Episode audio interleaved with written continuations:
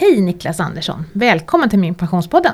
Stort tack för det, kul att vara här. Och ett vant öra tror jag känner igen din röst. Tillsammans med Aktiespararna var du med och startade podden Prata pengar som hade över 50 000 lyssnare i veckan och fick pris för bästa podcasten i genren ekonomi. Och när den lades ner så satte du igång investerarens podcast och sedan en tid tillbaka kör du även Avanza-podden tillsammans med din kollega Johanna Kull. Ditt intresse för aktier och fonder är minst sagt brinnande. Hur väcktes det? Det är ganska roligt att jag är här nu hos er på min pension, för det väcktes faktiskt egentligen i min ungdom just när det kommer till pension. Jag började jobba när jag var 13-14 för 30 kronor i timmen och det var inte jättemycket pengar, men jag har sparat pengarna hela mitt liv. Eh, och även då. Men sen under gymnasietiden så började jag jobba vid sidan av på heltid och på kvällstid och då fick jag ju det orangea kuvertet. Det lanserades väl 2000-2001 kring årsskiftet, mm. det här var 2003.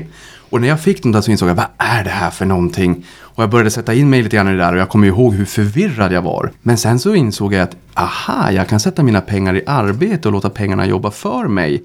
Samtidigt som jag då själv jobbar som förvärvsarbetande. Och där någonstans väcktes mitt intresse kring ungdomen. 15-16 var jag, 16 var jag nog snarare. Och sen dess har jag haft blodad tand och tycker att det här är fantastiskt roligt. Och det är det ju. Du arbetar på Avanza som är, är en av min pensions dryga 30 anslutna pensionsbolag och det innebär att ni varje dag levererar information till oss om era kunders pensionssparande så att de kan göra prognoser på min pension. Vilken är din roll på Avanza? Min roll är lite luddig egentligen. Jag eh, kom över för att jag har ju alltid hållit på med det här aktier och sparande och gillar ju att inspirera och motivera människor. Så att allting jag gör egentligen kokar ner till den gemensamma nämnaren aktiemarknaden. Jag är en aktienörd. Men en gång i tiden så flyttade jag faktiskt ner från Norrbotten till Stockholm, från Boden till Stockholm för att börja jobba på Avanza. Sen blev det finanskris. Och då flyttade vi över till ett bolag som heter Insplanet och det, där lämnade jag för SEB och var i sex år. Och sen kom jag tillbaka till Avanza. Så att tanken nu är väl att jag ska eh, sköta en studio som heter Avanza Play där vi gör rörligt material. Och sen så skriver jag i material i våra olika kanaler, så Facebook och Twitter Instagram, LinkedIn, våran blogg. Eh, och sen så har jag en podd då, som du var inne på, investerarens podcast och sen Avanza-podden. Så att i alla de här kanalerna egentligen bara försöker just motivera och inspirera. Och där hör ni ju min lilla dotter också ja, som är med. Precis, för vem är det privata? Då är det pappa till lilla Nelly som är med här i studion idag. Ja, och privat förutom att jag är pappa så jag är så här privat också. Det här är ju mitt brinnande intresse. Ja, det är så. Det går ihop liksom. Ja, det ja. går ihop. Ja. Hur går det när man har småbarn då? Ja men det går ganska bra. Hon är ganska snäll. Nu är hon lite bångstyrig här för att hon vill leka. hon är och... väldigt lugn måste jag säga. Ja, ja, men hon går och lägger sig ganska tidigt vid, vid 7-8 och då får jag några timmar extra för den amerikanska börsen är öppet på, på kvällarna. Ah. Eh, så då försöker jag ju liksom läsa på där också så att ja, men det går ganska bra. Mm. Asiatiska börsen då, hur fixar du den? Där sover jag. den får jag kolla på morgonen istället. Ja, och utöver då Niklas och jag själv och Nelly här i studion så har vi då vår pensionsekonom också, Kristina Kamp. Hej Kristin! Hej! Hej!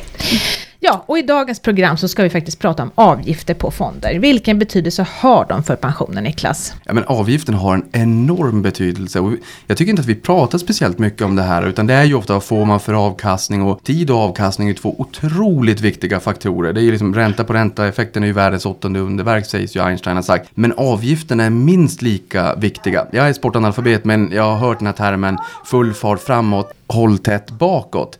Och det gäller ju faktiskt när det kommer till avgifter för att avbränningen kan bli riktigt, riktigt stor. Men vilken skillnad gör det egentligen då om jag betalar 0,5% i avgift för en fond istället för 1%? Om jag sparar till exempel 30 år, kan vi göra ett enkelt räkneexempel? Kristina, eller ska vi ta Niklas. Niklas kan börja. Niklas får börja. Ja, men jag tog en och en halv procent också som är en schablon i branschen ibland och där får man dubbelt slutresultat efter 46 år. Och nu 46 år kan man tycka, oh, men det är ju jättelång tid. Men då tänker jag ändå, om man är eh, från 25 till 65, det är ju 40 år. Mm. Och sen ska vi också komma ihåg att när man går i pension, om det nu är vid 65 man går, ja men du tar ju inte ut alla pengar direkt heller. Nej. Det är det eh. du menar, att, att även som man kanske är pensionär i 30 år, då växer ju pengarna då med? Ja, exakt. Så mm. det, det viktiga här är att går man i pension, säger vi 65 i sådana fall, du tar ju inte ut pengarna omedelbart. I allra kortaste fall kanske fem år, men jag menar den allmänna pensionen, där ska ju räcka livet ut. Så att, idag så säger vi att vartannat barn som föds ska leva till 100. Det är ju en jättelång horisont. Så från 65 till 100, det är ganska många år till. Så det här är jätteviktigt. Ja, jag brukar ju ha som tumregel att, att um Om man skulle få 1% bättre värdeutveckling på sitt PPM-sparande, som ju egentligen bara då är en femtedel av pensionen. Eller, och 1% värdeutveckling kan man ju jämföra med så att säga att ha 1% billigare fond, för det är ju samma sak. Har man det, då kan man faktiskt i princip gå ett år tidigare i pension. För att det handlar faktiskt om så mycket pengar som det blir. Och det kan man ju ha som tumregel då. Ja men just det där eh, 1,5 procent dubbelt slutresultat på 46 år. I- Och det är ju också så här att det behöver inte bara vara tjänstepensionen utan det här pensionssparandet om vi nu ska få en, en dräglig pension och inte leva på kanske hälften, man vill behålla sin livsstandard och sådär. För att när vi går i pension då har vi ju åtta timmar om dagen att fylla med någonting och det kommer vi ju göra. Men man vill ju också fylla med någonting trevligt som kanske ibland kostar pengar. Man vill ju inte att pengarna ska vara en, en begränsande faktor. Så att där måste man ju fundera kring hur mycket behöver jag spara vid sidan av då? Och då är det ju också så att nu har ju det avdragsgilla pensionssparandet försvunnit. Då kanske man har ett investeringssparkonto eller en kapitalförsäkring. Och här vill jag bara påminna om att kapitalförsäkringar på storbankerna ofta kostar mellan 0,3 och 0,75 procent av kapitalet. För att göra det där enklare så skulle jag vilja säga att går man in i matvaruaffären och köper ett tuggummi, ja då kan man betala 2,50 för den här plastkassen. Men om man köper en oxfilé på fredagen, är det rimligt att betala 50 eller 100 kronor för den där plastkassen då? Det är precis Ja, det man gör ja, i pensionssparandet. Du får ingenting för pengarna. Nej men egentligen kan man ju säga så att om jag går in till banken och säger att här har du en hundralapp, förvalta den åt mig. Och så säger banken ja vi tar 1,50 för det. Och så gör man det varje år i 40 år. Plus den där avkastningen du får tar man också 1,50 på. Det blir ganska mycket pengar. Ja, och Det av, förstår sig själv. Och avkastningen alltså för, för fonden eller vad kan tänkas vara, det är ju rimligt. Mm. Men just det här skalet att bara få ha en fond eller ha aktier och betala varje år för resten av livet och det blir rätt stora pengar, det är ju inte lika rimligt. Kan det finnas dolda avgifter också? Jag läste att det finns avgifter för courtage, fasta avgifter, rörliga avgifter, premieavgifter, flyttavgifter, fondavgifter, Valutaavgifter. valutaavgifter, avgifter för köp och sälj. Ja, man kan hålla på i evigheter här. Hur ska man ha koll på alla avgifter? Ja, oftast så är det ju så att i pensionssparande kanske man då har fonder. Jag tror att de flesta, ekonomi brukar man säga, det är lite boring by default. Tyvärr, det är fantastiskt roligt. Men jag tror att många får en liten klump i magen när man tänker på det här. Och lättast är väl då kanske att ha fonder. Och det är inte så enkelt det heller alltid. Ni gör ju ett bra jobb för att liksom försöka belysa det här. Men eh, fonder har ju en eh, förvaltningsavgift. Alltså att han eller hon förvaltaren ska gå till jobbet och göra sitt bästa för att antingen följa index om det är en indexfond eller slå index över tid om det är en aktivt förvaltad fond. Men sen har vi också den årliga avgiften och då ingår ju alla andra kostnader. Lite förvaringsinstitut så att man är säker om fonden skulle gå i konkurs att eh, liksom värdepapperna inte ligger på samma ställe som där fonden förvaltas. Och sen har vi lite legala kostnader och lite marknadsföring och allt det där läggs ju på toppen. Och sen har vi ju courtage och valutakostnader. Så att jag menar en fond som knappt gör några transaktioner alls. Ja den kostar ju mindre än en som gör jättemycket transaktioner. Men den som gör jättemycket kanske är jätteduktig. Så det, det är lite komplext. Mm. Det är det. Men då tänker jag egentligen, det här är ett litet sidospår, men, men om vi nu pratar om att man förutom då det här fondsparandet som man har i premiepensionen och tjänstepensionen, att man vill ha ett, ett privat sparande också på toppen. Ska man välja aktier då tycker du? Jag tycker ju det. Fast det är ju inte så enkelt som att säga bara att välja aktier det är det bästa. För att tittar vi, Euroclear kom med en rapport här för ett halvår sedan som visade att vi har 3,8 aktier i portföljen i snitt. Det är lite för dålig riskspridning. Aktiespararen brukar säga 10 till 15 aktier i 5 till 6 olika branscher. Just för att få riskspridningen. Och varannan person i Sverige nöjer sig med en aktie i portföljen. Det är undermålet, det är inte okej. Och backar vi tillbaka till 2000, då hade man Ericsson, eller Telia, eller en kombination av de två. Och, och därför, jag säger, ja, som svar på din fråga, jag tycker aktier är eh, bättre. Därför att du betalar avgift en gång när du köper dem och sen egentligen aldrig mer. Nej. Men jag vet ju hur det ser ut och riskspridning att man kanske inte följer det. Så att eh, fonder passar nog de allra flesta, men kanske ner mot indexfonder och lite, tänk på avgiften och lite billigare varianter. Och sen om du har väldigt mycket pengar och har råd att sprida på flera, då kan man få ner på aktier. Ja. Mm. Ja men det är väl en bra, en bra tumregel också. Men om jag då vill ta reda på hur mycket min fond kostar, hur gör jag? Om vi till exempel tar PPM-fonderna, kan man se det på. Ja, det kan man faktiskt göra och det tycker jag är synd att man kanske inte gör. Sen är det så här, generellt sett kan man säga, vilket kan vara tryggt att höra, att både i premiepensionen och i de här flesta tjänstepensionerna, åtminstone de här stora kollektivavtalade, då är det någon som har förhandlat ner priset åt dig redan. Eh, Så att man kan säga att det är halva priset på det som man köper där. Och det är ju, det är ju väldigt bra. Så det Eh, kan men- alltså vara smart att ta dyra fonder i premiepensionssystemet. om man nu vill ha en besatt av en fond som kostar jättemycket om man köper en i en vanlig bank så kan det faktiskt vara en idé om man nu liksom tycker att det är väldigt roligt. För den är, den är ju ja, billigare. det kan ju vara smart att ta en Rysslandsfond också. Och, och vill man då titta på vad den kostar, då går man in på på Pensionsmyndigheten, som ju, det är där du byter fonder till, till din premiepension. Och de har ganska bra Alltså visa precis hur fonderna utvecklas, vad den kostar, både så att säga brutto, vad den skulle ha kostat utan rabatt, och även vad den kostar med rabatt. Så, så är man intresserad av det här så kan jag verkligen rekommendera det. Kan man se på min pension hur mycket avgift jag betalar för en fond? Nej, det kan man ju inte. Och skälet skulle jag vilja säga är väl främst att, att min pension är ju i första hand en, en tjänst för där du ska säga, se dina innehav. Du kan ju inte göra så mycket på min pension, utan man ser vad man har och vill man sen fundera på mer om Alltså vi ska trigga igång något intresse kan man säga. Vi brukar säga att min pension, det, det ska vara så kul så du vill veta mer om din pension. Och så enkelt. Så därför har vi ännu så länge inga tyd... Vi har liksom inte utvecklat det att man ska nörda ner sig i avgifter och sånt. Utan där vill vi väl egentligen att man ska gå till originalet så att säga, där pengarna finns. Och när vi räknar då på framtida pensionsutveckling och så, vad gör vi då?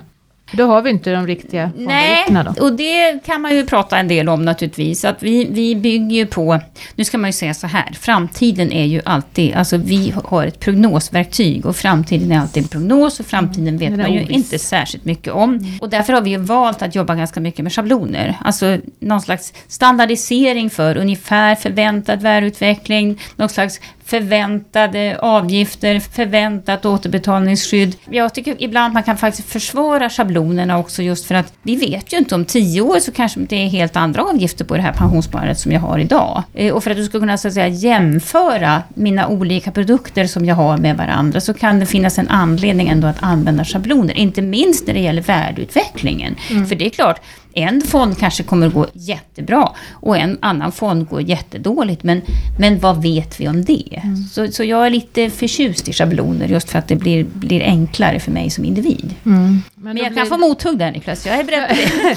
Det blir ju lite orättvist mot, mot de bolagen och de, de fonderna som är billiga då. Jo, men det, jo, det, ja, till och med Nelly blir också lite Ja, upprörd här. Men, nej, men det blir ju lite orättvist. Men schablon, jag, jag förstår att schablon är bra, men det finns ju uppstickare nischbanker som inte jobbar med avgifter överhuvudtaget. Och det blir en enormt stor skillnad. Du tar 1,5% av schablonen. Det, det fördubblar kapitalet på, på 46 år. Och som vi sa här inledningsvis, 46 år har vi ju faktiskt på oss. Om vi är ungdom, börjar få tjänstepension vid 25. Och sen har vi förmodligen då kanske gått i pension då. Men det är ju fortfarande så att kapitalet är innestående. Eh, så att vi har ju fortfarande kapitalet placerat för vi ska ju förmodligen leva många år efter pensionen. Och just det här med avgifter vill jag också säga att jag pratade om den här 03 till 075 på, på storbankerna. Ehm, mitt, min tjänstepension som jag har idag och det är inte några utsvävande stora belopp men 0,6 procent det bränner bort 2 miljoner fram till min pension så att det blir mycket pengar. Och då kan man tycka oj det där lät ju mycket men sen är det ju också så att för att gå i pension så behöver man några miljoner. Eh, och det, och det har man ju liksom den allmänna pensionen, alltså inkomstpension och, och, och eh, premiepension och så tjänstepension och eget sparande. För att ska man leva i 20-25 år till, slå ut det som det, det blir, eh, det är de beloppen vi pratar om. Så att bara tänk på avgifterna för det går så himla fort. Och jag måste också säga att när jag var i Almedalen här för några år sedan, då var det mycket diskussion om, om provisioner. Och då sa man, jo, nu har vi tagit, då var det en, en eh, pensionsaktör där ute, mindre nogräknad, som sa att jo men vi tycker vi har tagit in en internationell specialist här som säger att 3% i avgift för finansiell rådgivning årligen, det är vettigt. Och jag tänkte, men herregud, jag kunde inte hålla mig. Ja, de fick mothugg, jag lovar. Jag kunde inte hålla mig som man dör en gång, man gifter sig en eller några gånger, man får barn en eller några gånger. För det har vi liksom den juridiska biten och hjälpen som man kan tänkas behöva. Men 3% det är enorm skillnad. Det är så, sparar du eller inte behöver betala 3% då har du dubbla kapitalet på 24 år. Ja, det äter ju upp liksom. 4 procent. Ja. Då är vi på tre gånger så mycket pengar på 30 år. Så att man förstår vilken enorm skillnad det är. Ja. Men, eh, tillbaka till det här. Eh, så, så höga avgifter har du ju inte i tjänstepensioner och premiepensioner. Så att den utväxlingen behöver du inte vara rädd för. Sen är det också så, vilket är viktigt att komma ihåg för oss som är lite äldre då, då att, att det man har tjänat in hittills, det är ju faktiska siffror. Så där är ju så att säga avgiftsrabatten redan med. Så ju äldre du blir Niklas, desto mer rätt blir, blir vad de här pengarna skönt. du har. Men jag förstår att det är också svårt överhuvudtaget med att räkna 40 år framåt på en prognos. Och vi brukar ju inte säga att är man i din ålder så ska, ska man kanske i, i huvudsak titta på vad har jag i tjänstepension, var finns pengarna, hur mycket har jag i allmän pension. Den här prognosen ska man nog vara lite försiktig med eftersom det händer så mycket i livet. Jo, och, men ibland kanske man behöver inte sätta sig på en gång. Man behöver inte släppa allting man, man håller på med nu när man lyssnar på den här podden. Men kanske till helgen eller kanske till nästa helg. Sätt er ner, titta vad ni har för pensionssparande. Titta på avgiftsstrukturen. Kom ihåg det vi sa idag. Full fart framåt, håll tätt bakåt. Kom ihåg att de här små avgifterna på 0,10, 0,20, 0,30, 40, 50 blir jättestora pengar. Testa spara ihop de pengarna själv.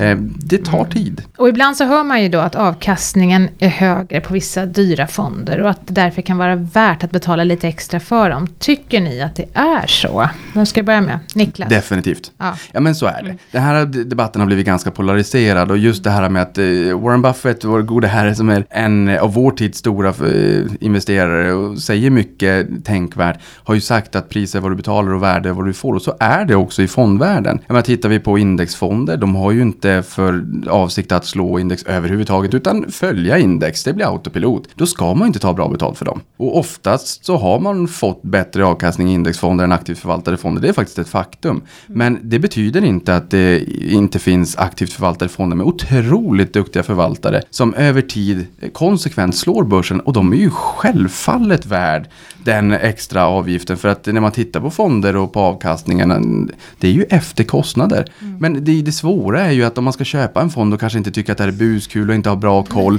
Vilka är de duktiga förvaltarna då? Nej. Då är det lättare att hålla koll på avgifterna. Mm. Nej men så kan man verkligen säga. Är du inte särskilt intresserad, dels så kan man ju faktiskt, som vi brukar säga ibland, kör på förvalen, för de är väl liksom rätt okej riggade för just dig. Alternativt indexfonder, för att de just är billigare, du kommer inte vara bäst i klassen, men du kommer inte vara sämst heller. Och det, du kommer att ha en ganska låg avgift. Men vill du sen, så kan man naturligtvis grotta ner sig och, och följa fonder och upptäcka att det här är ju liksom, här finns ju klassens ljus. Det här kanske jag kunde hänga ett slag för att det verkar intressant, även om det kostar en del. Så skulle jag säga. Generellt då, finns det någon fondtyp som alltid är billiga? Så här som man kan gå på. Det du sa indexfonder. Ja, indexfonder är ju Det alltid klassiskt sett alltid billiga. Och det beror ju på att det är en passiv förvaltning. Jag menar, vi har ju i branschen just en diskussion kring aktiv förvaltning och passiv förvaltning. Och indexfonderna får vi väl säga tillhör ju den passiva delen då. Och det, det blir lite autopilot. Sen ska man inte tro att det bara är autopilot, för det är faktiskt ett arbete med de här fonderna också. Men em, de är betydligt billigare. Jag menar, min kollega Johanna Kull brukar också säga att 0,4 procent är väl en vettig nivå att försöka sikta in sig på. Men men där vet vi ju att avgifterna, de vet vi på förhand. Avkastningen vet vi ju inte på förhand på riktigt samma sätt. Även om jag alldeles nyss sa att jag absolut tycker att det finns en, en, eh, rimlighet i att betala extra för duktiga aktiva förvaltare. Då ska man faktiskt veta vad man gör lite grann. Men här skulle jag vilja säga så också att om man nu bara skulle titta på, på avgiften och inte ha någon som helst koll på fondernas inriktning. Då skulle man ju hitta de här räntefonderna och tänka, oh, busbilligt, den tar vi. Eh, men det kanske inte heller är så smart, för då får man ju, kan man ju inte räkna med att få någon avkastning nästan alls. Nej, och vi kanske inte får riktigt göra det i det här formatet och den här kontexten. Men det är ju nästan, inte riktigt, men nästan så att vi måste varna för att ha pengarna i ett räntesparande eh, om det är riktigt lång sikt. En ungdom idag som är 25, där skulle jag nästan vilja säga utan att ge någon form av råd att det, där har räntefonder ingenting att göra. Utan då har man faktiskt tid att ta risk. Tar vi den svenska börsen som exempel, även om man nu har en aktiefond så är det ju aktier i den här fonden. Och det kan vara Sverige eller världen eller tillväxtmarknader eller någon region eller branschfond sådär. Finns inget, i princip inget årtionde de senaste hundra åren som har haft negativ avkastning. Nej, och då kan man ju också titta på icke-valen som då som sagt är kloka har stött och blött och funderat på vad man ska ha just för pensionssparande. Och det är ju inget icke-val som bara innehåller räntor. Nej, Faktiskt inte. Nej men jag tänker om man nu väljer själv att inte ta räntor för att man kan tycka åh vad läskigt det här, tänk om pengarna försvinner. Ja, det hör man ju ofta. Eh, ja. Ja. Så att man, man vet att risken med att bara ha pengarna i räntefonder är också att de inte växer alls, så att vi har lite inflation. Ja, då blir det faktiskt ebb i kassan till slut. Man får lita till sina pengar ibland. Och det är väl också så ibland att man kan, man kan fundera kring det här med, med begreppet blandfonder som ju känns lagom och bra. Ibland så är det ju faktiskt väl, tar man väldigt mycket betalt för räntesparandet i den fonden. Alltså man får betala nästan lika hög avgift, eller till och med ibland lika hög avgift som i en aktiefond. Väl medveten då om att man faktiskt inte får samma värdeutveckling. Så blandfonder ska man nog liksom fundera kring tycker jag. Och verkligen titta på avgiften där. Ja, då kan det vara bättre i så fall att, att blanda själv och ha en räntefond och en aktiefond. Nu pratade vi om billiga fonder då. Men finns det tvärtom generellt någon fondtyp som man alltid vet är dyra? Jag pratade om Rysslandsfonder förut. De är väl alltid dyra. Eller? Ja, men det, det får man nog säga att de är nog alltid lite dyra. Det är lite roligt. Här i eftermiddag så kommer jag ha en förvaltare från just eh, bland annat Ryssland som kommer prata. Det har ju varit lite stökigt där. Och då tittade jag ryska RTS-index. Det har varit jättestökigt. Titta på i år är det ner och på tre år är det upp med 45 procent och på, på fem år var det ner men på 20 år då var det upp eh, 2200 procent eller 13 procent om året. Och det är ju eh, i Sverige de senaste 20 åren är vi upp 10% inklusive återinvesterad utdelning. Så att man har ju fått lite mer, men risken har ju också varit betydligt högre. När det kommer till tillväxtmarknadsfonder, det kan vara Ryssland eller Kina eller kanske frontier market som Vietnam eller Pakistan, liksom morgondagens tillväxtmarknader, eller Afrika. Där är det ju också dyrare att göra affärer. Så att omkostnaderna är ju också högre och de är klassiskt sett dyrare. Då får man ju också tänka att den förväntade avkastningen är högre, men också risken. Så att det, typiskt tillväxtmarknad, hedgefonder. Och där brukar man också säga så här att ja, men vi tar den här förvaltningsavgiften och slår vi ett index som vi har valt, då vill vi ha 20% av överavkastningen också. Så de brukar kunna tendera att också bli eh, lite dyrare. Så det är väl två klassiska kategorier som man nästan vet på förhand är eh, lite dyrare. Ja, Kristina? eh, sen måste jag få klämma in min käpphäst här också. Att när du säger det att det är 2 200 procent ena året och minus 50 procent det andra året. Och det är ju ganska svårt för mig som sparare att fatta vad har jag egentligen tjänat på det här då? Just. Och jag brukar ju säga just i pensionssparande att det vore ganska bra om branschen kunde enas om ett sätt att beskriva värdeutvecklingen. Kanske på årsbasis och inte just det där, jaha, här har du en fond som har gått upp 245 procent. ja, vad säger det? Exakt, och det är ju svårt att ta till sig som småsparare också. Och sen har vi faktiskt ytterligare ett litet alternativ som jag också vill prata om som kan bli lite dyrare. Och det är ju fond i fonder. Ja, Om man, alltså paketeringsavgifter. Ja, det ska man också vara lite vaksam på. ja. Och hur ser man om det är en fond i fond? De heter oftast fond i fond. Ja, de gör ju faktiskt Ja. inte det. De, de, har de, de heter ju inte kanske ett namn och så fond i fond, utan där får man nästan kolla kanske på Kidden eller Fondfaktabladet och se. Och oftast så är det ju kanske bolagets eget namn och sen så några olika namn som kanske anspelar på att det är defensivt eller aggressivt eller optimist eller någonting åt det hållet. Eh, eller tillväxt kanske det heter. Då kan man ju ana att det kanske är någon form av fond i fond. Så att man får nästan kika på, på Fondfaktabladet man får med. Men egentligen om det är dyr avgift då...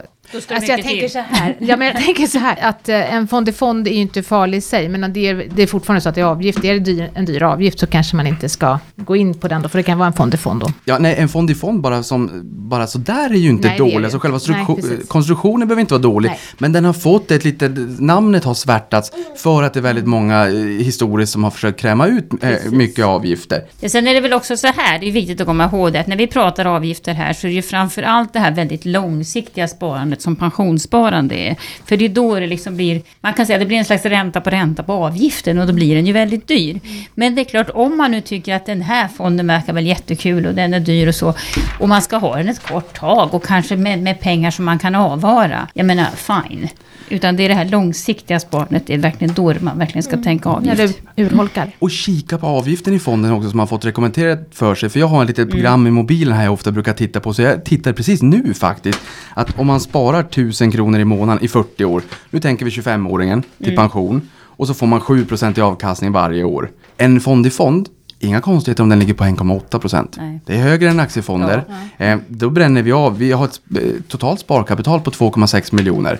I nominella termer. Donken börjar kosta inte en tia då. Nej. Eh, men avbränningen gör att vi har kvar 1,6.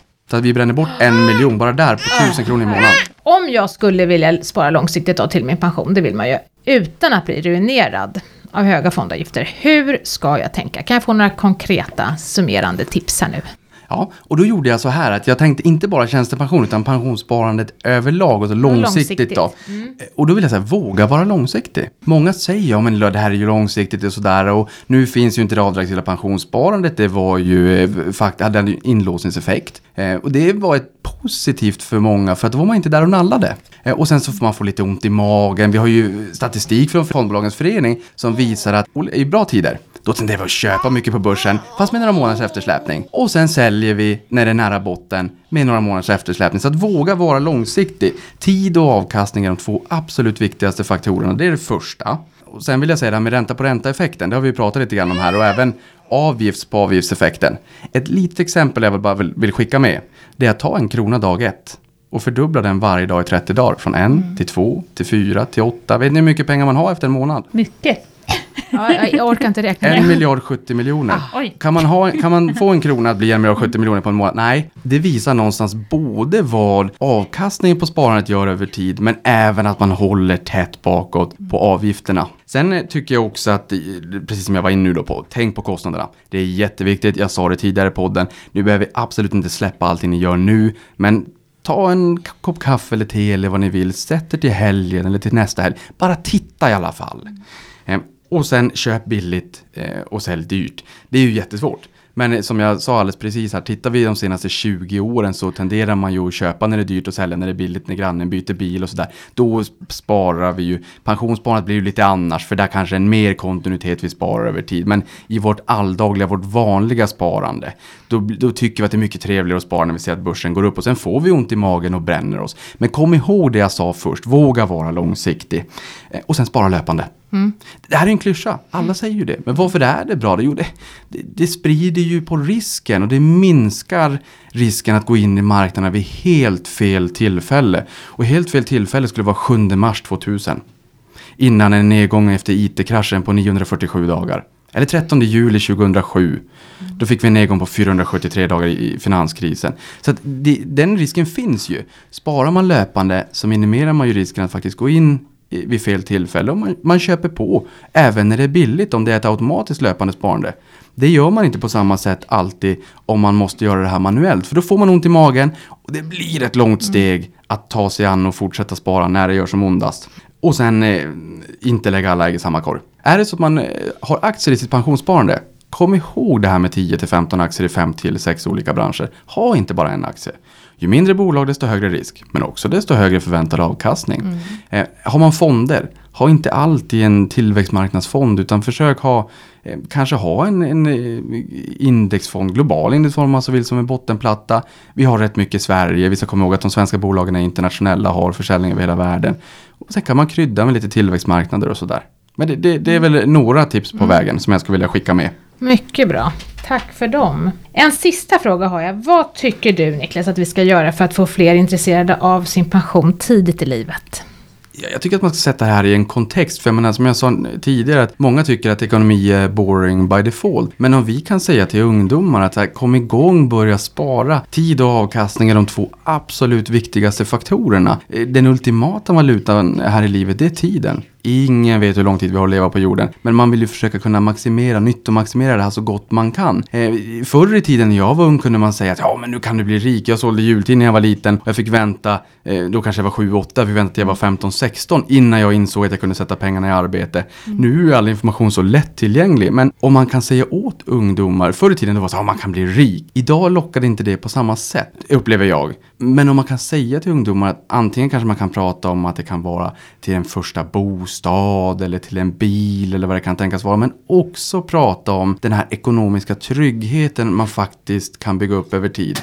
Där ekonom, ekonomin inte behöver sätta käppar i hjulen och vara liksom den, den trånga sektorn. Mm. Så att försöka bara inspirera människor att, också när det är ungdomar, eh, nu, nu, tar jag liksom bara ungdomarna här just i det här exemplet, men att förklara för dem att tid och avkastning är så otroligt viktiga faktorer. Och att jag tycker att eh, den bästa förutsättningen för att få till ett riktigt, riktigt bra sparande över tid, det är när man är ungdom. Från första sommarjobbet, 15 till 20. Och jag tänkte när jag var ung, nu blir det här en lång utsvävning, men jag tänkte när jag var ung att ehm, ja, men, få en bra ekonomi, det kan man göra när man blir vuxen. Äh, det, det är inte riktigt så. Jag skulle vilja säga att de bästa, absolut bästa förutsättningarna för att få en riktigt bra ekonomi, det är när man är ung. Dels att lära sig, sätta rutinen, tankesättet, men då har man ju inte kostnadsmassan på samma sätt. Man har inte bostaden, man har inte massa fasta kostnader, barn och bil och extra bil och fritidshus. Då kan man spara rätt mycket och sätta den där bottenplattan. Och de pengarna ligger ju riktigt länge, speciellt om vi ska leva till hundra. Ja men verkligen. Och det gör skillnad över tid. Det gör en enorm skillnad. Tack Niklas för jättebra tips. Tack själv.